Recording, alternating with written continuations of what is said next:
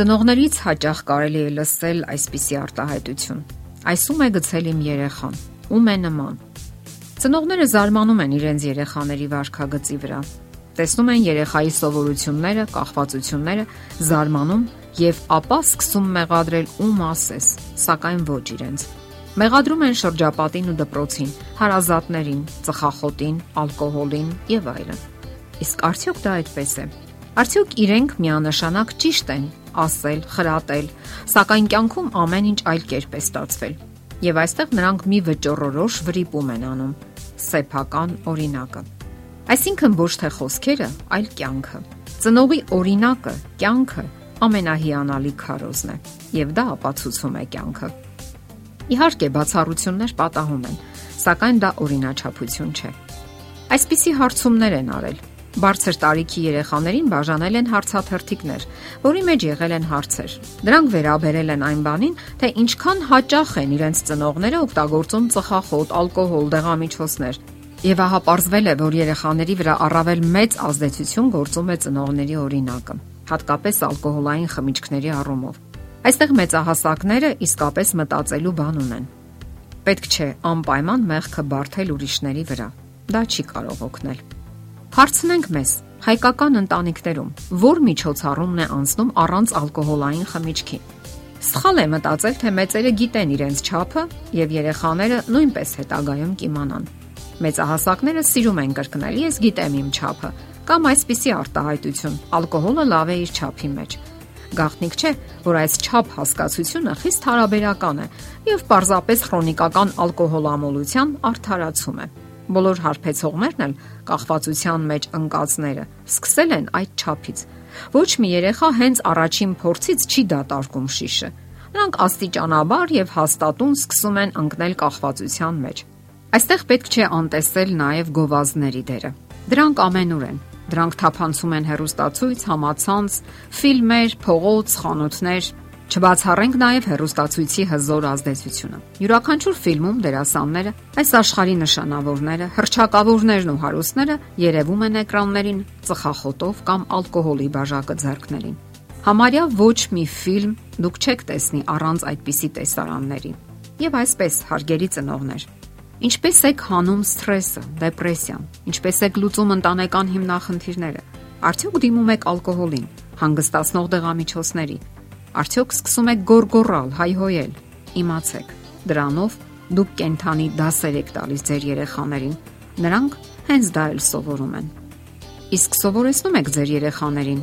որ յուրաքանչյուր հիմնախնդիր ունի իր դեղահաբը։ Լուրջ հիվանդությունների ժամանակ դուք իհարկե կարող եք վստահել դեղահաբերին, սակայն չպետք է խոճապահար կախվածության մեջ ընկնել դեղամիջոցներից։ Երբեք պետք չէ մոռանալ կողմնակի դիտորդների երեխաների մասին։ Կա եւս մեկ պատճառ, որը հարկադրում է մեծահասակ երեխաներին դիմելու ալկոհոլին կամ ծխախոտին։ Դրանք հուզական հիմնախնդիրներն են։ Սխալ է մտածել, որ պատանիները կամ երիտասարդները չունեն այդպիսի հիմնախնդիրներ։ Դատական հոկեբան Ջեյմս Վանդերվիլը գրում է. այն դեռահասները, ովքեր թմրանյութեր են ընդունում, հուզական լուրջ հիմնախնդիրներ ունեն։ Այդ ապրումները լուրջ վնասներ են պատճառում նրանց առողջությանը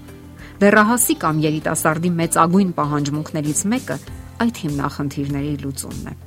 Չպետք է բացառել նաև շրջապատի դերը։ Գոյություն ունի ընկերականության գործոնը։ Շատ երիտասարդներ միանում են խմող կամ ծխող ընկերներին, ընկերներից յետ չմնալու համար այսպես կոչված ընկերականությունից մղված։ Նրանք ընկերություն են որոնում։ Նրանք ծարավի են մարդկային པարզ ընկերության, ըմբռնողության։ Այդպիսի խմբերում նրանք հաճախ գտնում են այն, ինչը չեն կարողանում գտնել ընտանեկան պատերի ներսում։ Ուշադիր եղեք, հարգելի ծնողներ, դա անկարևոր գործոն չէ։ Դոկտոր Վանդերվիլը նկատել է նաև, որ կախվածության մեջ ընկած շատ երիտասարդներ անհաջողակ եւ հուսահատորեն միայնակ երեխաներ են։ Նրանք ոչ միտեղ բարյացակամ եւ կարեկից վերաբերմունք չեն գտնում։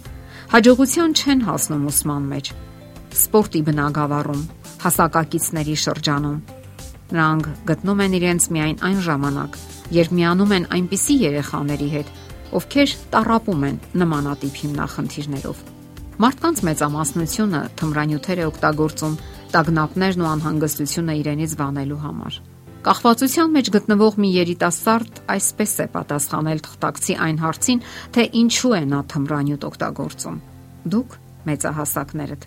բացարձակապես չեք հասկանա, թե ինչու եմ ես մեծ գումարներ ծախսում այս իրականությունից կտրվելու համար։ Դուք միշտ լավ եք զգում ձեզ, իսկ ես գերադասում եմ գումար ծախսել ինձանից վանելու եւ գոնե ժամանակավորապես մեղմելու իմ հոգեկան ցավը։ Հարգարժան ծնողներ, Մեր երեխաները կարիք ունեն մխիթարության ու սատարման, քաջալերանքի եւ ոգեշնչող խոսքերի։ Եվ նրանց թեթևորեն խելքից հանում են անպատասխանատու մարդիկ, ովքեր բոլորովին էլ նրանց բարեկամները չեն։ Ոչ մի թմրանյութ դեռ չի բուժել որևէ հոգեկան ցավ։ Ժամանակավոր թմրեցումը հետո ավելի է սրում միայնության, սթրեսի կամ անհանգստության զգացումը Ահա թե ինչու ծնողները մնում են երիտասարդների լավագույն բարեկամները նրանց ողջ կյանքի ընթացքում, այլ ոչ թե սեփական օրինակով նրանց մղում են անառողջ, եթե ոչ հաճախ էլ ճակատագրական կախվածությունների։ Լինենք նրանց հուսալի ուղեցույցը։ Եթերում ընտանիք հաղորդաշարներ։ Ձեզ հետ է Գեղեցիկ Մարտիրոսյանը։